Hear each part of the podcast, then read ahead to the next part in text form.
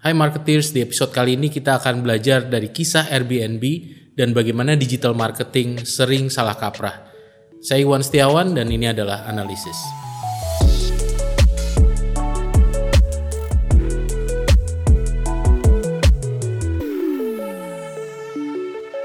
Digital marketing adalah teknik yang sangat berbeda dibandingkan dengan traditional marketing.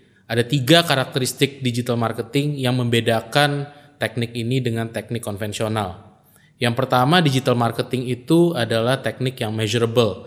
Artinya segala sesuatu bisa terukur, kita bisa langsung melihat resultnya, dan bahkan bisa dipantau dari waktu ke waktu. Yang kedua, digital marketing sangat targeted. Artinya bisa digunakan untuk mentarget specific audience dengan demografi tertentu, dengan karakteristik, bahkan dengan profil psikografis tertentu. Selain itu, digital marketing juga menciptakan hasil yang cepat karena funnelnya cenderung lebih pendek dibandingkan dengan funnel marketing biasa. Biasanya digital marketing langsung menghasilkan sales atau sebatas leads dan klik yang intinya adalah action yang dilakukan oleh pelanggan secara instan. Tiga karakteristik ini membuat akhirnya banyak digital marketing salah kaprah. Banyak digital marketing terlalu berfokus pada menciptakan short term result karena toh memang sangat powerful sekali pendekatan ini untuk menciptakan suatu hasil yang bisa terukur. Karena itu saya ingin memperbaiki beberapa kesalahan pemahaman tentang digital marketing ini. Salah satu salah kaprahnya digital marketing adalah seringnya terlalu banyak fokus pada yang disebut sebagai performance marketing. Performance marketing adalah salah satu teknik di dalam digital marketing yang berfokus pada akuisisi dan growth. Fokusnya adalah mengakuisisi pelanggan sebanyak mungkin dan meningkatkan pertumbuhan. Karena fokusnya seperti ini, banyak teknik ini dilakukan oleh perusahaan-perusahaan tech startup yang memang sedang dalam growth phase, sedang berkembang dan mencari pelanggan baru sebanyak-banyaknya.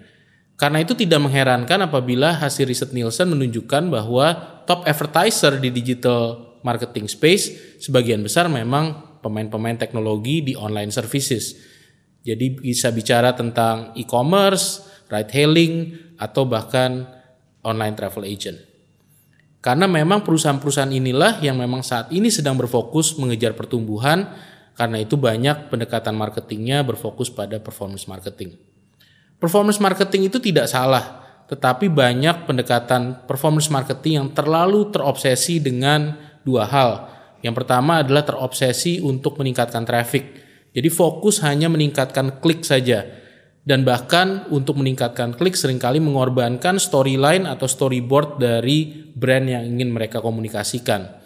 Seringkali berfokus pada bagaimana menciptakan desain yang bisa memancing orang untuk melakukan klik, bagaimana menggunakan brand ambassador yang terkenal sehingga klik mudah didapatkan. Semuanya berfokus pada menciptakan traffic dan juga klik sebanyak mungkin.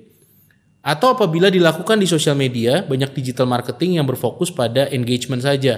Yang penting banyak yang lihat, banyak yang memantau apa yang kita komunikasikan, banyak yang nge-like, banyak yang komentar. Fokusnya adalah menciptakan engagement yang semakin lama semakin tinggi. Seperti yang saya sampaikan, performance marketing tidaklah salah, tapi banyak problem-problem yang sebetulnya inherent di dalam performance marketing. Yang pertama adalah sering kali performance marketing menjadi terlalu technical. Fokus pada menciptakan desain, menciptakan color palette, menciptakan satu iklan yang betul-betul bisa visual dan mendrive action. Sehingga akhirnya tidak banyak seninya lagi dalam mengcraft brand stories. Selain itu banyak juga performance marketing yang didrive oleh trend. Kita melihat apa sih yang trending kemudian kita mencoba ride on the trends.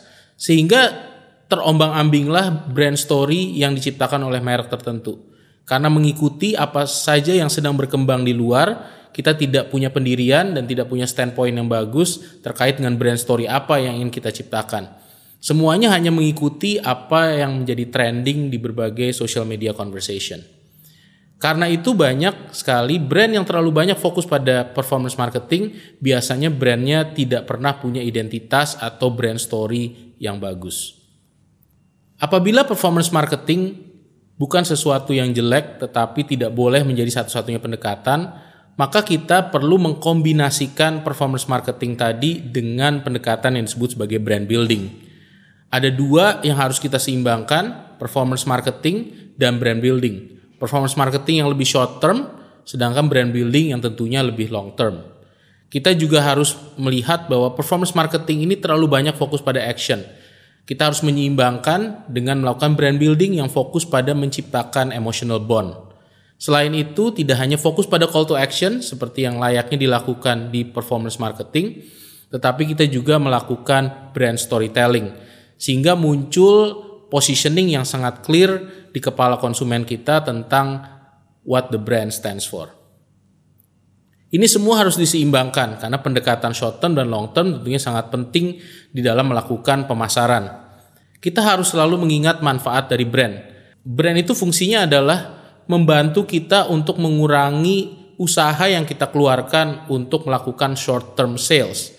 Apabila brand kita sudah besar dan kita sudah dikenal, memiliki reputasi yang bagus, maka kita tidak perlu mengeluarkan usaha yang terlalu ekstra untuk melakukan penjualan. Artinya apabila brand building ini sudah berhasil dilakukan, brandnya terbentuk, maka biasanya performance marketing budget tidak perlu tinggi-tinggi sekali. Perlu dilakukan sekali-sekali, tapi tidak perlu semasif ketika baru memulai membangun merek. Mari kita simak cerita Airbnb yang tentunya tertekan dan terpukul selama masa pandemi. Tidak banyak orang yang bisa traveling selama pandemi dari tahun 2019 sampai dengan sekarang. Karena itu, hampir semua industri travel hospitality tertekan dengan adanya pandemi. Airbnb adalah salah satu yang kena dampak paling besar. Tetapi boleh dibilang pandemi ini juga membawa blessing in disguise Artinya ada satu insight yang mereka dapatkan karena terpaksa karena tekanan dari pandemi. Karena ada tekanan pandemi, maka Airbnb terpaksa memecat ribuan karyawan. Tidak hanya itu, mereka juga memotong budgetnya lebih dari 50%. Artinya budget marketing mereka sekarang cuma kurang lebih separuh dari budget marketing mereka ketika sebelum pandemi. Akan tetapi insight yang muncul adalah ternyata dengan budget yang lebih kecil jauh dibandingkan sebelumnya, traffic mereka tidak turun banyak. Traffic mereka bertahan di level 95% sebelum adanya penurunan budget. Artinya sebenarnya performance marketing yang mereka lakukan selama ini tidak banyak impactnya membantu traffic masuk ke dalam Airbnb. Memang banyak traffic itu diciptakan karena adanya brand yang sudah sangat kuat yang dimiliki oleh Airbnb sendiri. Artinya selama ini mereka melakukan banyak sekali budget spending yang merupakan waste dan dari adanya pandemi ini mereka akhirnya menyadari bahwa performance marketing yang mereka lakukan selama ini terlalu eksesif. Dari sini kita bisa belajar juga bahwa brand leverage atau kekuatan dari brand kita itu bisa membantu kita mengurangi spending. Kita tidak perlu spend terlalu banyak jor-joran melakukan performance marketing, mengejar short term sales apabila brand kita sudah kuat. Tetapi tentunya ini membutuhkan waktu.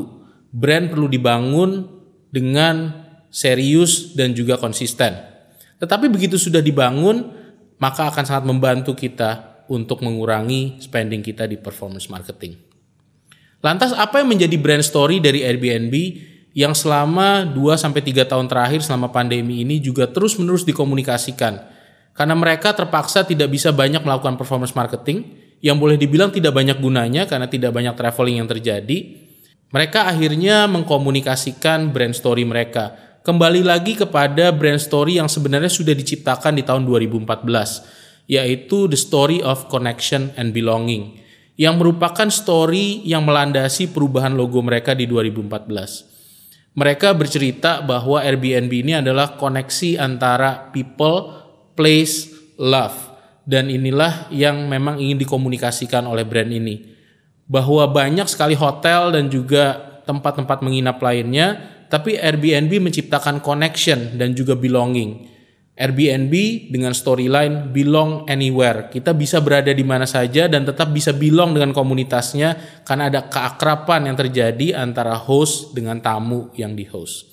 Inilah story yang diciptakan oleh Airbnb yang bisa membantu mereka mempertahankan traffic meskipun performance marketing budget mereka berkurang sangat jauh. Inilah insight yang mudah-mudahan bisa membantu kita untuk tidak terlalu banyak fokus di performance marketing, tapi menyeimbangkan dengan brand building sehingga Anda tidak salah kaprah. Semoga bermanfaat, sampai jumpa di episode berikutnya. Apabila Anda belajar banyak dari analisis, tolong subscribe, like, dan share konten yang kami create ini.